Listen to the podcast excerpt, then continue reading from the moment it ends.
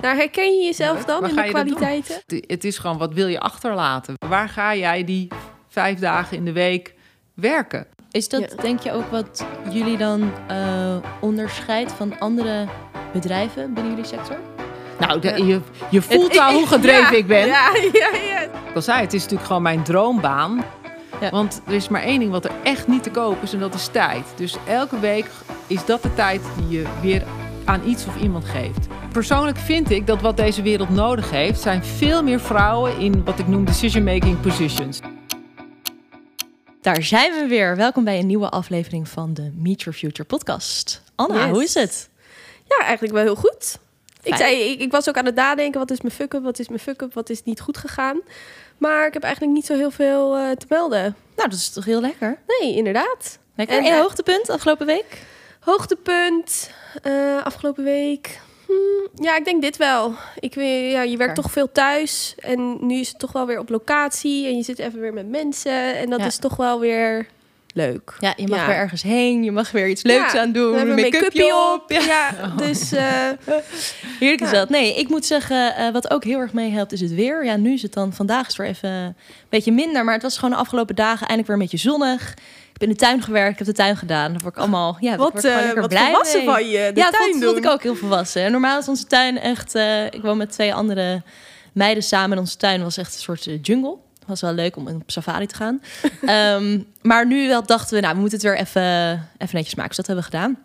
En verder ook geen, geen bijzondere fuck-ups of tegenslagen. Gewoon, het eh, Nou, mooi. gaat allemaal zijn gangetje. Smooth sailing. Ja, Daar houden we goed. van. Ja, Ja, en we zitten weer niet alleen. Want Nee. we hebben namelijk Anne Wil aan tafel.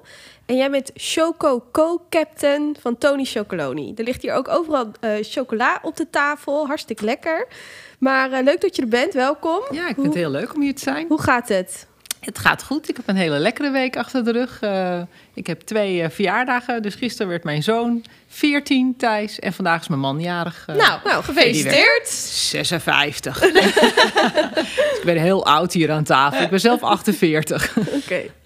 Nou, leuk. Dus je hebt een fijne week gehad. Jazeker. Met Mooi. inderdaad wat lekkerder weer. Dat vind ik wel fijn. Ja, het Vorige week was ik toch. vrij. Het was niet zo heel lekker weer. Mis je toch een beetje. Ja. Ja, ja, ja, zeker. Ja, en zeker nu denk ik ook in, in, in deze tijd dat je minder kan. Want op het Ja. moment dat het buiten weer lekker is, Ja. dan kan je weer gaan wandelen. En zeker nu de terrassen weer open zijn, Ja, Daar worden we allemaal heel blij van dat de terrassen is weer open heel zijn. fijn. Ja. Ja. Maar goed, ehm, om je even iets beter te leren kennen, doen wij altijd een, eh, een dilemma-ronde. Dus ik leg je een aantal eh, dilemma's of stellingen voor. Leuk. Kom maar En op. aan jou om er dan eh, eentje te kiezen. Dus, daar gaan we. De eerste. Ehm, jurk en hakken naar kantoor of spijkerbroek en sneakers? Spijkerbroek en sneakers. Liever opgesloten in een bibliotheek of in de Efteling? Oh, zeker, de bibliotheek. Ik ben gek op boeken. Als ik verdrietig ben, ga ik naar een boekenzaak en dan eh, ga ik daar eh, een beetje sneupen. Dat Wat kan natuurlijk heel lang niet. Dat vind ik heerlijk. Nee, ik ben gek op boeken. Eh, liever iets te laat of veel te vroeg? Ik ben liever te vroeg, ja, dan te Ja. laat. Vind ik disrespectful. Ja. Helikopterview of oog voor detail? Ik hou van beide. En als je er één moet kiezen? Helikopterview. De bigger picture. Ja. Ja. Altijd kijken naar het Eh, grote plaatje. De laatste, ik ben heel benieuwd. Zoet of hartig? Hartig. Kom maar door met de hapjes, de zalm, de chips. De, ja. ja, en dat eh, terwijl ik werk. Ja, Ja, voor, voor dit, is heel, zoet. dit is heel Ja. Nou, Maar- misschien werk ik er dan ook niet voor de chocola. Ja, ik vind onze chocola wel echt de lekkerste die er is. Dat meen ik serieus. Ik ben zelf meer... eh, iedereen houdt natuurlijk van de zeezout karamel. Maar ik ben meer van de puur pecan kokos. Ik gooi hem er even in. Probeer. Oeh.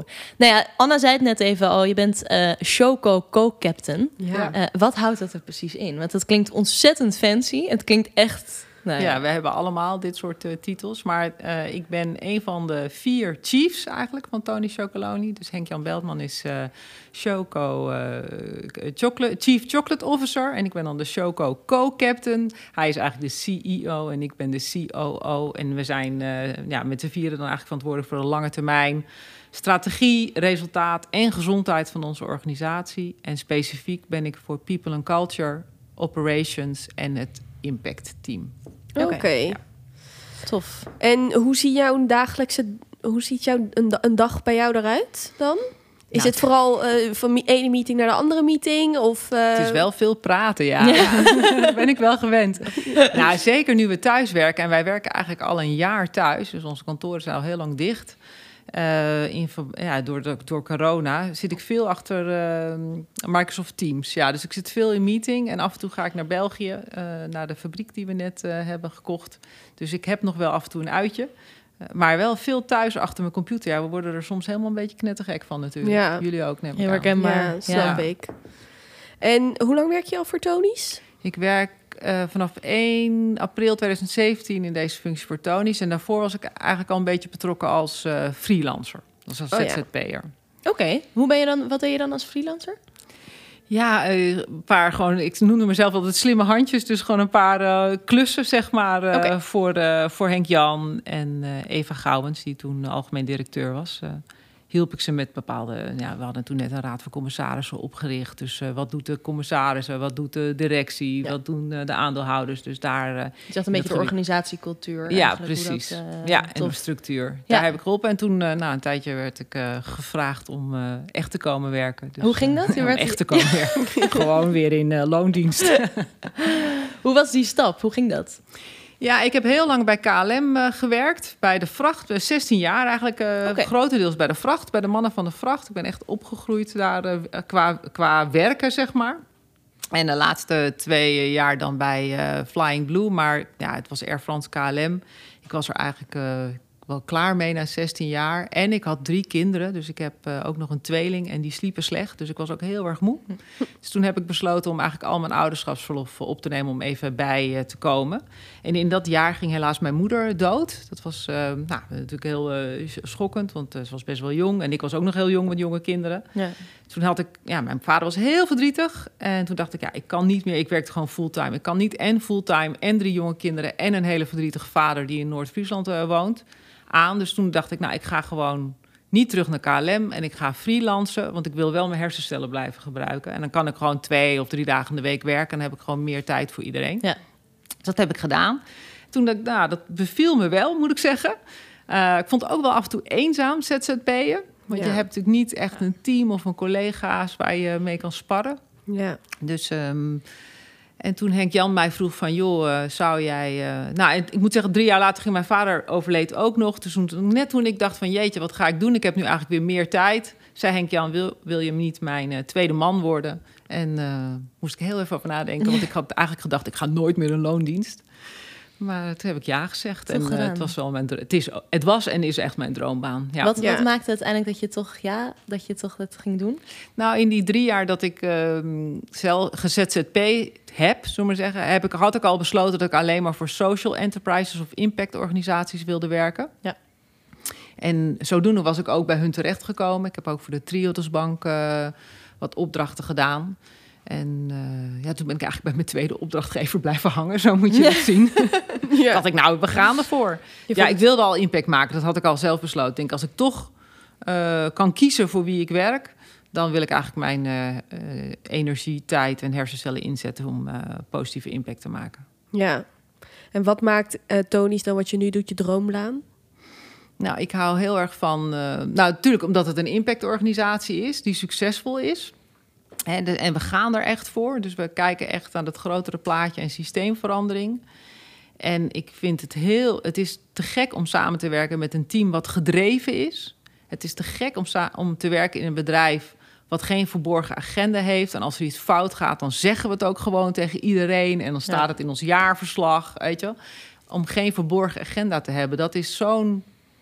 Ja, dat is heerlijk. Ja. Dat zou ik iedereen gunnen, zeg maar. Om Ja. voor een bedrijf te werken dat als iets misgaat, dat je eerst denkt, of je wordt aangevallen en zegt: hebben ze gelijk? Wat vinden we ervan? Zit er wat in? Hè? Dus, nou, moeten we dit naar buiten? Hè? Dus niet moeten we dit. We brengen het altijd naar buiten als Ja. het misgaat. Graag zo snel mogelijk. Ja, dat vind ik wel echt. ehm, Maar gewoon die open, die open en eerlijkheid. Ja, inderdaad. precies. En dat, dat zie je natuurlijk. Ik bedoel, ik als consument van Tony's zie dat ook. Want bijvoorbeeld, eh, ik weet nog dat er toen best wel iets te doen was over de, dat het 100% slaafvrij was, maar dat het misschien dan nog niet eh, echt 100% slaafvrij was. Dat kwam op een gegeven moment in de media dan een opspraak. En jullie hebben op jullie website staat ook heel duidelijk dat eh, dat verloop van hoe dat allemaal is gegaan, gewoon heel duidelijk en eerlijk vertellen jullie daarover. Ja, zeker. Kijk, er zit heel veel kinderarbeid en gedwongen arbeid in de chocolade-industrie en de cacao. Ehm, en terwijl wij, nou, ik kan er zo natuurlijk meer over vertellen hoe we dat doen, maar eh, onze missie is eigenlijk dat de norm van zaken doen verandert. Dus samen maken we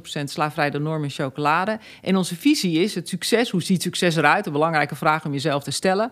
Dat is dat alle chocolade, niet alleen die van ons, maar alle chocolade 100% slaafvrij is. En dan moeten we dus met z'n allen als hele industrie anders gaan werken. En ja, wij uh, zoeken heel actief naar kinderarbeid. We zoeken heel actief naar gedwongen arbeid in onze keten. Kinderarbeid zit er zeker in, zeg maar. Daar rapporteren we ook over. Ja. En de, uh, de oorzaak is daarvan armoede.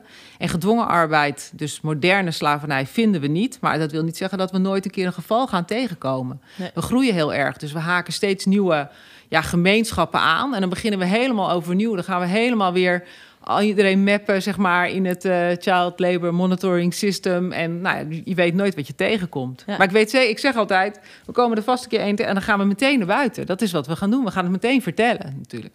Ja, Maar tot nu toe is dat nog niet geweest. Dus ik zeg, met zekerheid zit het niet structureel in onze keten. Dat weet ik Ja. zeker.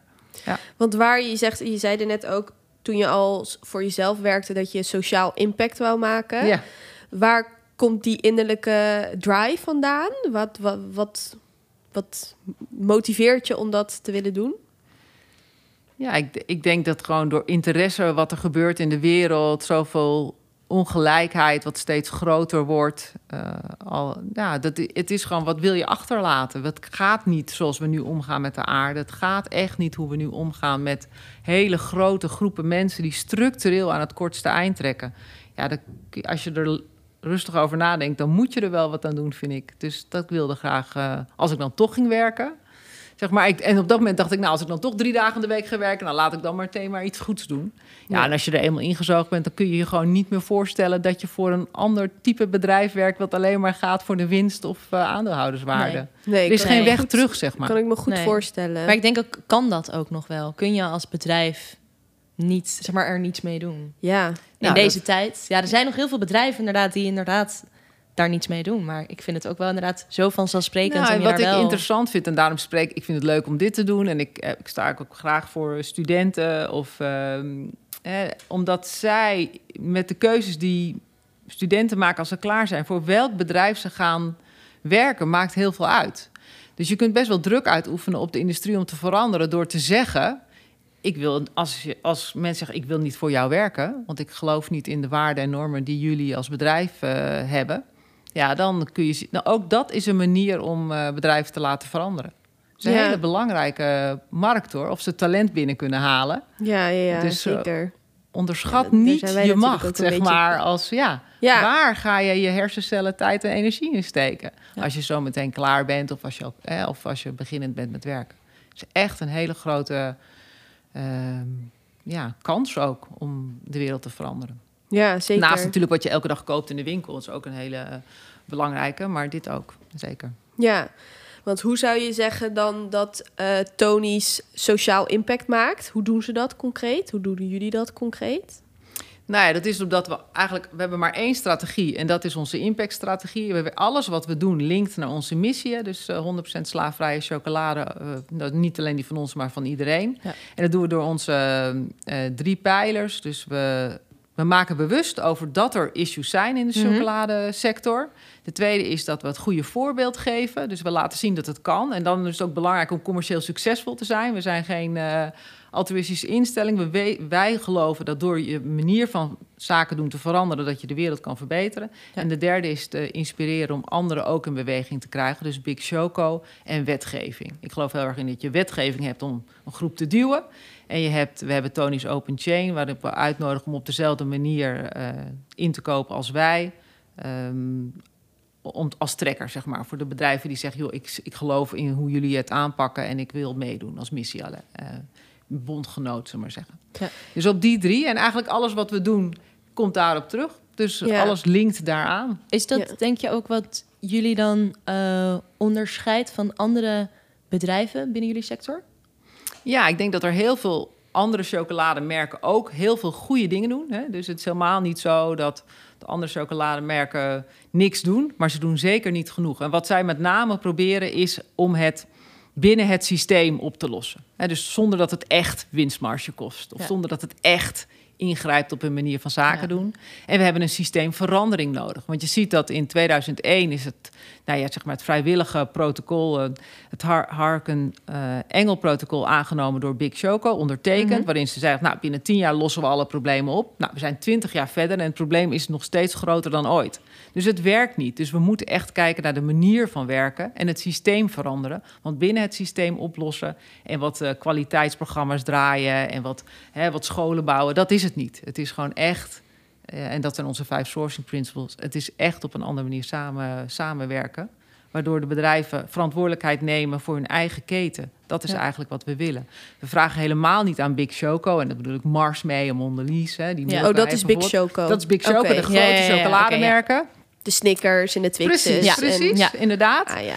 Eh, we zeggen helemaal niet, joh, je moet de wereldarmoede oplossen. We zeggen alleen, je moet verantwoordelijkheid nemen voor iedereen die in jouw keten werkt aan jouw commerciële succes. Dus niet alleen de mensen die binnen je bedrijf werken, maar gewoon ook alle mensen die gewoon eerder in de keten aan jouw succes bijdragen. Daar moet je je verantwoordelijk voor voelen.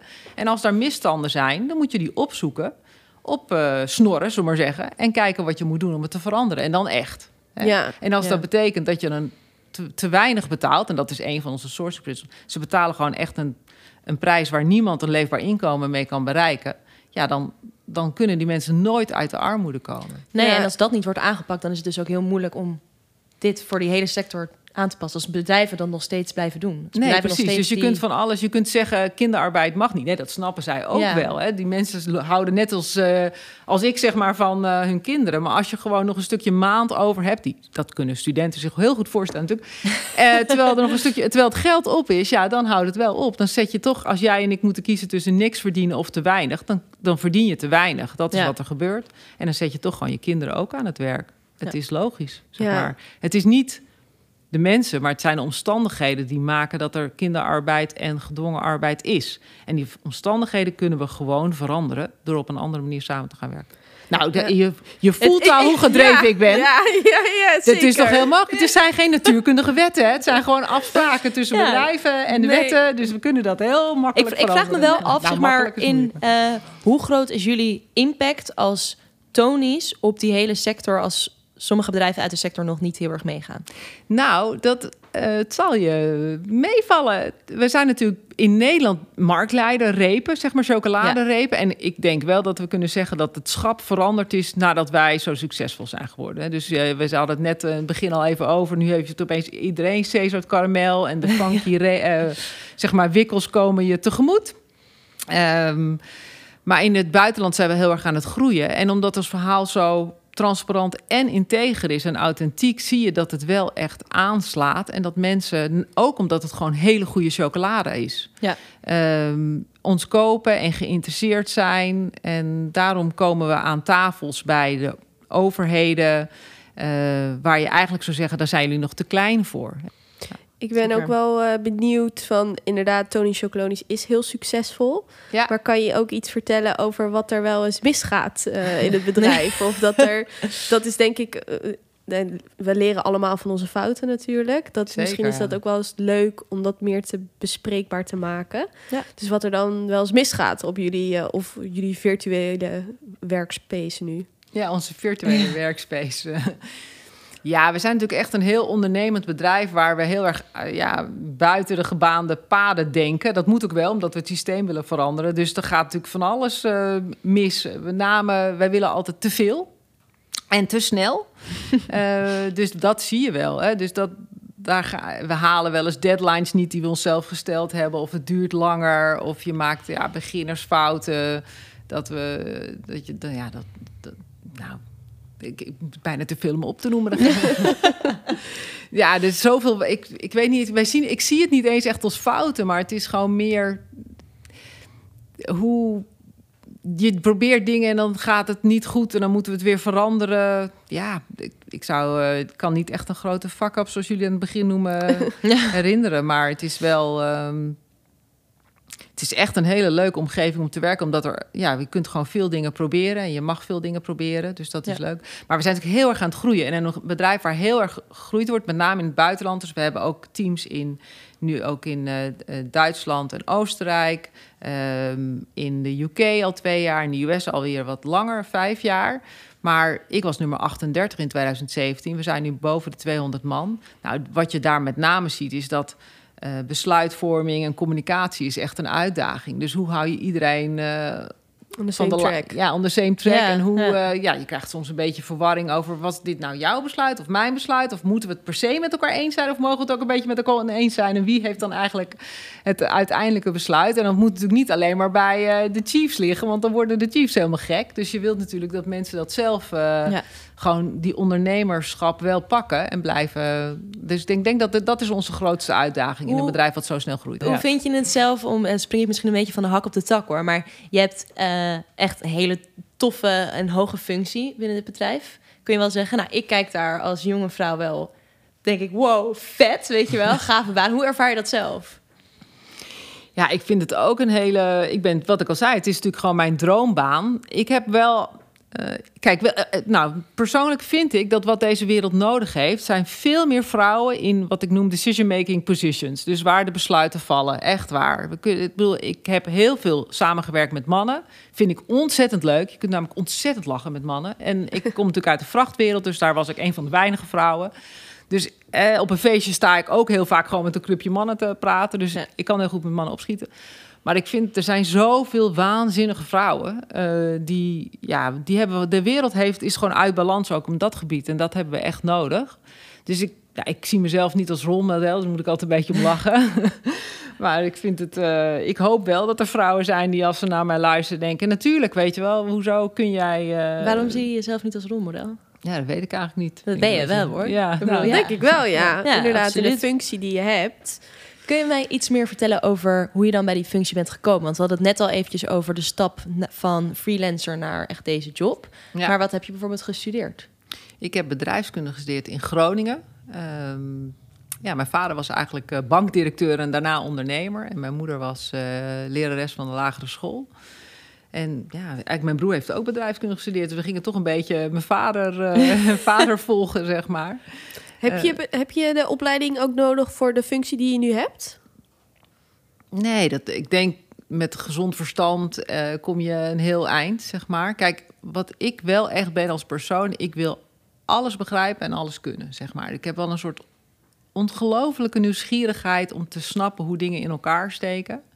Dus dat, ehm, en hoe mensen, waarom mensen reageren, of waarom sommige systemen zo zijn, of hoe dat eigenlijk zo kan. Dus dat, ik denk dat je dat met, het is een ma- meer een soort eh, inzet, zeg maar, en kijk naar de wereld, eh, dan, ja, dat is wat je nodig hebt. En Ja. Dus ik heb, ik zit natuurlijk met people and culture en operations, dus ik vind het, ik hou van automatiseringsprojecten en ik hou van eh, cultuurrapporten. Dus ik ben, eh, ja, weet je, ik vind alles interessant en eh, wil ik wat mee bereiken, zeg maar. Denk ik, oh, als ik dit zie, dan kan ik dat veranderen. Had Maar jij dat bijvoorbeeld vroeger ook al als Ja, kind? Ja, had ik ook waar al, waar ja. uitte zich dat?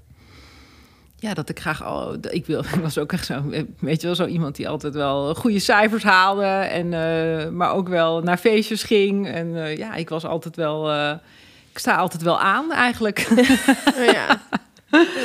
ja, dus ik heb bedrijfskunde gestudeerd. En toen wilde ik eigenlijk wilde ik graag manager worden. Ja, ik weet ook niet. En toen ben ik bij eh, KLM terechtgekomen. Die hadden een heel mooi eh, trainee, eh, eh, traineeship. Ja. Daar ben ik terechtgekomen. Daar heb ik heel veel geleerd. En ook echt een bedrijf met een sterke cultuur, hè, een blauw hart. En dat heb ik eigenlijk nog steeds. Maar ja, toen we samen gingen met Air France, heb ik ook acht jaar aan Air France en KLM-teams eh, leiding gegeven. En ik heb heel veel verschillende dingen gedaan. Dus van marketing tot IMT-manager, tot revenue manager, EMEA. Dus ik heb heel veel verschillende dingen gedaan. Dat vond ik heel, eh, dat vind ik nog steeds heel leuk om veel te leren. ja. En wat ik al zei, toen ben ik gestopt ehm, met heb drie kinderen gekregen en waarvan er twee best wel slecht sliepen en ik moe was. Dus, eh, En- en zodoende ben ik dus gaan freelancen en Ja. eh, dacht ik ja. En het eind van mijn tijd bij KLM was ik al wel voor de vracht bijvoorbeeld de Corporate Social Responsibility Coördinator. Dus ik was al wel, weet je wel, aan het denken van ja, bij een luchtvaartmaatschappij ja, is natuurlijk de CO2-uitstoot enorm. En hoe kunnen Ja. we die verminderen? Wat kunnen we daaraan bijdragen? De gewichtsvermindering. En, en daar was KLM ook wel echt heel actief in. Ze zijn ook echt... Je moet liever niet vliegen, maar als je vliegt... moet je wel met een partij vliegen waar... En ik wil geen reclame maken voor KLM, maar meer van... Ik was er wel zelf ook al echt mee bezig. Ja. Om te Ja. kijken hoe we dat zouden kunnen verbeteren. Ja. Ja, en, en zou je zeggen voor wat voor... Ik ben benieuwd naar de mm, kwaliteiten die je nodig zou hebben, denk je, in, je, in jouw perspectief voor de functie die je hebt om een, om een chief te zijn bij ja, bijvoorbeeld ook Tony. wel interessant inderdaad. Want je hebt wel altijd wel best wel leidinggevende... Ja, Ja, dus vanaf mijn functies 24 e geef ik al leiding en ik ben echt 48. jong. Dus ja, Ja. inderdaad. Dus ik heb wel veel vlieguren gemaakt, zeg maar. En ik vind, ja, wat voor kwaliteit heb je nodig? Ik denk wel, eh, je moet hoofd- en bijzaken kunnen scheiden. Dat is denk ik toch wel belangrijk. Je moet wel het grotere plaatje blijven zien. Ja. Ik denk dat je echt geïnteresseerd moet zijn in mensen. Het gaat, weet je wel, een bedrijf is niks anders dan een groep mensen die wel of niet goed samenwerken en wel of niet impact maken. Dat moet je nooit vergeten. Eh, je moet accepteren waar je niet goed in bent. En dat moet altijd, zeg ik, nou, dat moet wel op een acceptabel niveau, een 6,5 of een 7. En je moet je focussen op waar je echt goed in bent. Dat is ook echt een. Ja, je moet niet kijken of je al die 6 naar 9's kan krijgen. Ik ben echt een ramp in agenda management. Gaat nooit wat worden. Ik kan echt makkelijk drie keer dezelfde afspraak op dezelfde vrijdagavond maken. Ik denk, ja, die vrijdag, dat is een goed idee. Nou, echt verschrikkelijk, echt waar. Hoe doe je dat dan nu? Nou ja, ja dat, ik, dat is soms opbellen. Ja, sorry, ik heb eh, verkeerd. eh, ik, heb het, ik moet hem even verzetten. Ja, nee. Ik heb geen eh, iemand die dat doet voor mij. Dus dat is soms, dat is soms lastig voor mijn omgeving. Ja, ja, moet ik mijn man bellen? zeg ik, oh, ik heb eigenlijk vergeten. Ik moet ook naar, met uh, Sascha naar de, weet ik wel, naar de fysiotherapie. Eh, kun jij? Ja, ja precies, ja. Dus, en in ik geloof heel erg in nieuwsgierig en eh, willen verbeteren. Dus dat je, jezelf, dat je niks aanneemt voor waar. En dat je zegt, joh, ik, het kan anders, het kan beter. Dus ik laat me niet snel uit het veld slaan. Als iemand zegt, ja, dat kan niet. Dan zeg ik altijd, kan het niet? Kan jij het niet? Ja. Of wil je het niet? Dat zijn drie hele di- andere dingen. Ja, Dus dat is goed. En soms kunnen dingen niet. ja. Maar meestal kunnen zij het niet, of ik het niet, of willen ze het niet. Is dat ook iets wat je je kinderen leert? Ja, het is trouwens heel moeilijk om kinderen wat te leren. we, thuis, oh, we hebben weer geleerd hoe ongelooflijk fuck het is om kinderen wat te leren. Ik heb mijn kinderen thuis eh, lesgegeven. Ja, ik ben gek op natuurkunde en wiskunde en zo. Dus ik ben echt zo'n beta iemand. Maar, eh, mijn dochters vinden rekenen nadat ik ze heb lesgegeven in ieder geval verschrikkelijk.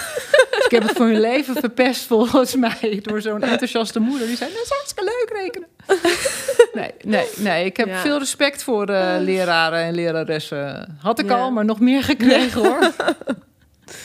Ja, waar ik wel even benieuwd naar ben, Maud. Jij gaat natuurlijk ook eh, business administration. Is dat nou trouwens even, even een intermezzootje? Ja. Is dit nou hetzelfde bedrijfskunde en een MBA? Dat is toch soort nou, je van hebt gewoon hetzelfde? je bedrijfskunde, heb je, eh, je kan een bachelor bedrijfskunde doen en je kan een master bedrijfskunde doen. Ja, maar een MBA is toch gewoon een fancy naam voor bedrijfskunde, alleen dan in het Engels? master, master business administration. Ja, ja, ja. Ja. Ja, precies, ja. eh, ja. Nou, herken je jezelf Leuk. dan Waar in ga de je dat doen? kwaliteiten? Nou, wat ik wel herken is, ehm, en dat, dat is ook wel iets waar ik soms tegenaan loop, dat ik ben zelf best wel ook iemand die graag grip op dingen heeft en eh, het leuk vindt om anderen aan boord te krijgen bij iets. Dus om ook een beetje de koers te bepalen. Ja. En ehm, nou, jij zegt net van, nou, ik ben op mijn 24ste heb, ben ik al leiding gaan geven. Nou, Ja. ik zit nog heel erg in het school, in het schoolse, hè, ben ook 24 en het liefst.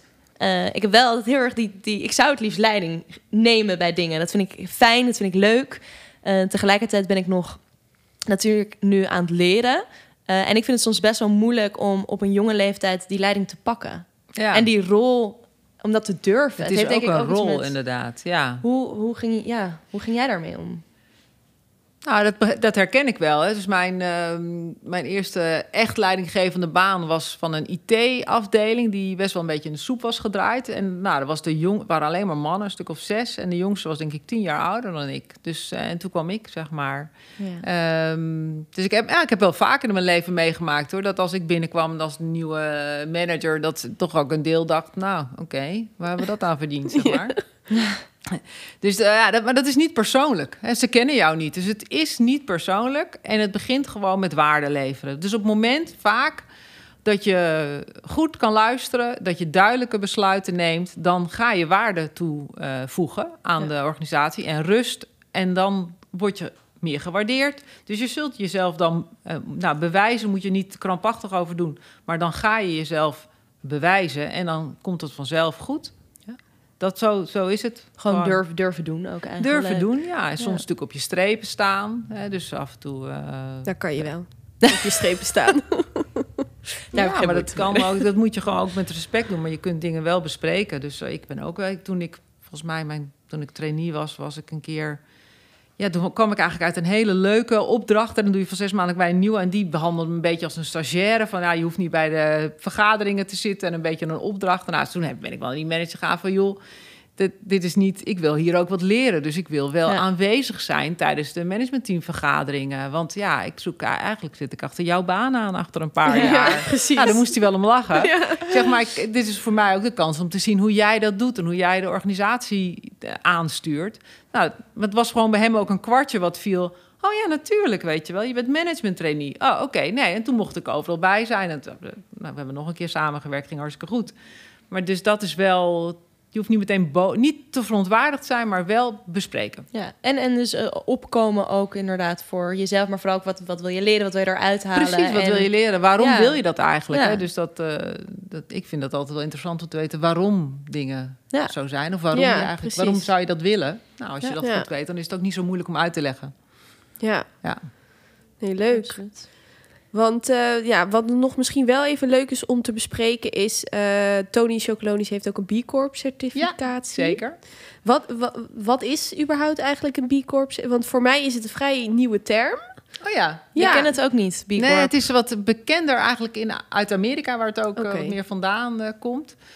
Eh, het heet de B Corp organisatie die kijkt naar eigenlijk het waarom van een organisatie. En eh, het doel van de organisatie moet zijn om positieve impact te maken. Dus het use your business for good. Dus voor het goede in. eh, dat, dat is eh, de B Corp. En dan moet je. eh, want eigenlijk elk bedrijf maakt impact. Hè, dus, maar positief of negatief. Ja. En dat is, een dat is een certificering, het is eigenlijk een assessment waar, je, waar staat wat is je missie, staat het ook echt in je statuten, ben je bezig met, ehm, het, nou ja, bijvoorbeeld wij willen graag een 100% plastic vrij, dat zijn we nog niet, wel in de verpakking, maar nog niet eh, in onze supply eh, chain, in onze keten. Mhm. Dus nou, die kijken gewoon naar wat wil je, hoe ga je met je mensen om, heb je ze goed verzekerd? En die kijkt naar al die aspecten van een bedrijf en die kijkt, nou, wat doe je het goede eigenlijk? Ja. Ja. En daar... eh, En wat voor soort toevoeging geeft dat dan voor het bedrijf? Nou, het, het, geeft, het is wel belangrijk, vind ik. En daarom is ook, nou, wat geeft het voor het bedrijf? Is dat anderen erop kunnen vertrouwen dat het echt zo is. Dus het is Ja, ook gewoon een assessment. Hè? Dus wij kunnen wel van alles zeggen, maar B Corp kijkt ook Het of is het beetje zo is. bewijs. Dus en het is hetzelfde wat ik zou iedereen zeggen, onze eh, jaarverslag, wat we één keer per jaar uit. Ik heb hier eentje vast, maar jullie kunnen dat niet zien natuurlijk. maar daar staat ons hele verhaal in. En dat laten we dan ook door PricewaterhouseCoopers checken. Dus alles wat hierin staat, plus de cijfers en ook alle niet-financiële impact claims, zij, eh, zij checken dat. En dat vind ik belangrijk, omdat ja, je hoeft niet mijn woord erop te geloven of ons woord, maar je mag, we vragen het gewoon ook aan iemand om het te checken. Ja, het geeft precies. net even wat ander gevoel, lijkt me voor iedereen. Ja. En in Amerika was het ook belangrijk om bijvoorbeeld bij bepaalde eh, winkels dan op het schap te komen. Die zeiden van joh, wij willen echt zeker weten dat het in orde is. Dus dan als je B Corp gecertificeerd hebt, dan is het een soort ja, kwaliteit dat je bij mij verkocht mag worden. Ja, Ja. oké. Ja, dan kan ik me ook wel voorstellen dat dat certificaat ook heel erg helpt bij eh, de, de, de- het doel wat jullie hebben natuurlijk, de ambitie en om echt Ja. die keten te veranderen. Precies. En wat leuk is, je moet het dan één keer in een paar jaar eh, laat je zelf weer assessen. En dan gaan ze, ze gaan ervan uit dat je zelf ook verbetert. Hè? Dus Ja. je hebt, eh, en wij ook, wij willen dat. Dus dan is het, eh, we zijn eigenlijk nu weer bezig met assessment. We krijgen denk ik eind na de zomer de, de uitkomsten. Ik vind het heel spannend, want we, we gaan natuurlijk altijd voor de hoogst haalbare. Ja, Dus, eh, ja. We hebben er volledig op ingezet. Een paar, vier collega's van mij, die, die gaat er dan echt voor. Dus die, eh, ja, die moeten even wachten. En dan eh, kijken we of we weer verbeterd zijn ten opzichte van vorige keer. Ja. Ja. Leuk. Nee, lijkt me ook wel een, een ehm, iets van de toekomst, een B Corp. Ik denk dat het Ja, positieve in Nederland wordt het steeds, maken. Ja. steeds bekender Groter, ook ja. en groter. En het is echt een hele ja, ik, ben er, ik vind het zelf echt een hele goede manier om ook eh, naar je eigen bedrijf te kijken. Kijk, wij zijn 100% missie gedreven. Hè, dus alles wat we doen heeft met onze missie te maken. Dat is ook Ja. wel makkelijk. Terwijl als je een normaal bedrijf op een andere manier begonnen bent, zeg maar weer zeg maar, de traditionele manier. Ja. Dan is het soms best wel moeilijk om te weten, ja, waar moet ik dan beginnen? En zo'n B Corp assessment en eh, waardering die je zelf eigenlijk uiteindelijk geeft en die je zowel probeert te verbeteren, geeft daar wel wat richting aan. Ja. Ja. precies. Ik denk dat, althans, ik zou het mooi vinden als daar meer bedrijven op aanhaken. Dat Ja, het dat allemaal meer positieve impact gaan maken met z'n allen. Ja. Ja. dat moet toch? Het is toch gek dat je bedrijf negatieve impact ja, zou maken inderdaad. bedrijf? Super onlogisch. Dat je denkt, oh, ik heb zoveel winst gemaakt, het gaat zo lekker. Maar oh ja, nee, jammer. Het is, eh, we dragen bij aan de plastic soep of we dragen bij aan kinderarbeid. Dat wil natuurlijk, dat eigenlijk wil niemand dat. Nee. Ehm Hoe nou, kan je dat hoeft nou- trouwens ook niet. Hoe kan je nou als, als ehm, voor luisteraars misschien dat iemand denkt, joh, hoe kan ik nou zelf social impact maken? Wat kan je, hoe kan je zelf nou al bijdragen? Ja, dat kan eh, vanaf. Dat, kijk, je maakt impact. Dat is wat ik iedereen probeer te vertellen. Wat je ook doet, dat heeft impact, want anders zou je er niet zijn. Dus je kunt het positief maken door de keuzes die je maakt in het leven. Dus waar ga ik werken? Bij welk bedrijf ga ik? Hè, waar je hebt zo hard gestudeerd. Ja. Je hebt zo hard je best gedaan om alles te leren. Dat ga je nu in de praktijk brengen. Waar ga jij die vijf dagen in de week werken? Ja. Want er is maar één ding wat er echt niet te koop is en dat is tijd. Dus elke week is dat de tijd die je weer aan iets of iemand geeft. Dus waaraan? Dat is de allerbelangrijkste, denk ik, voor de luisteraars. En het tweede is, waar besteed je je geld aan? En ik snap echt wel dat het moeilijk is om bij elke keuze die je maakt... altijd de beste keuze te maken. Maar kies wat belangrijk is voor jou. Wat vind je belangrijk? En maak daar dan steun die bedrijven die zeggen... oké, ik ben misschien niet perfect. Het hoeft niet perfect. Maar ik ben ermee bezig om beter te worden. En als we Ja. daar zorgen dat we die producten kopen en die steunen... dan gaat het echt goed Ja.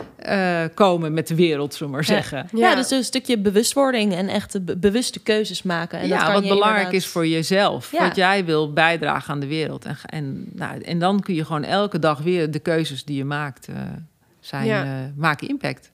Mooi. Ja, precies. En even los van eh, alleen het impact maken, wat zou je nog graag aan onze luisteraars en onze jonge talenten, studenten willen meegeven? Als toch wel, als rolmodel. Oh jeetje. Ehm, nou, misschien voor de vrouwelijke luisteraars. Jullie hebben er al een andere podcast, maar ik ben er ook eh, heel... eh, ik vind dat vrouwen elkaar meer moeten steunen. Mannen doen dat. Ik heb veel met mannen in een zaal gezeten. En ik heb gezien eh, dat er soms iets misging. En dan gingen ze wel even duwen, maar ze gingen nooit voor de keel. Hè, want ze begrijpen hoe, hoe belangrijk gezichtsverlies eigenlijk is. En hoe schadelijk dat is. En ik vind gewoon dat vrouwen elkaar echt wel wat meer kunnen steunen. Als het misgaat, kom op, dames. Let's, eh, let's go for it. Dus dat is één. En de tweede is... ehm, wat zou ik nog meer? Ja, wees nieuwsgierig. Probeer te leren. Met name probeer eruit te vogelen hoe het echt zit. En doe dan... eh, en geen struisvogelpolitiek. Yes. Gewoon, eh, gewoon problemen op tafel. Kijken naar, praten erover. En dan is er meestal wel een oplossing te bedenken, zeg maar. Mooi. Zeker. Super bedankt voor je komst. Ja, ik vond het heel leuk. Ja, Heel mooi. Succes met jullie podcast. Ik ga ben benieuwd. Ik ga ze allemaal luisteren. En eh, jullie weten dat ik, daar, dat ik gelijk heb. Ik bedoel, Dat ik dat ga doen, hè? Zo, dankjewel voor je komst. luisteren. Ja, was heel leuk. Dank jullie wel. Tof gesprek. Eh, en wat me met name ook weer opvalt, is dat ook Anne Wil weer aangeeft van vrouwen mogen elkaar best wel wat meer steunen en helpen. Ehm, het sluit ook weer mooi eh, aan bij wat we hebben besproken in de podcast met Milou Delen. En wat ik ook echt tof vond is, nou, zij was dus op haar 24ste was ze al, gaf zij al leiding en hoe ze dit deed. En dat je ook gewoon, eh, kijk, ik ben nu 24 en ik vind het soms lastig om de leiding te nemen, maar dat je dat ook gewoon maar moet durven in zekere zin en eh, moet doen. Dus dat, eh, dat neem ik mee. En jij Anne? Ja, nou ja, wat ik heel leuk vond, en eh, dat is eigenlijk waar het bij mij altijd bij terugkomt, is dat na elke, elke organisatie, elk bedrijf bestaat natuurlijk uiteindelijk uit mensen. En wat mensen drijft en hoe dat allemaal psychologisch werkt bij ons, dat is ontzettend belangrijk. Dus laat Wil, Anne Wil ook weer weten. Ehm, hoe je mensen van links naar rechts krijgt. En inderdaad, charts eh, veel doen. Maar de mensen daarachter die zijn nog veel belangrijker. Bedankt voor het luisteren naar de Meet Your Future podcast. Wil jij nou meer weten over rolmodellen? Schrijf je dan vooral even in op ons platform leadyourfuture.nl. En we zijn natuurlijk ook te volgen op Instagram en beantwoorden daar ook al je vragen.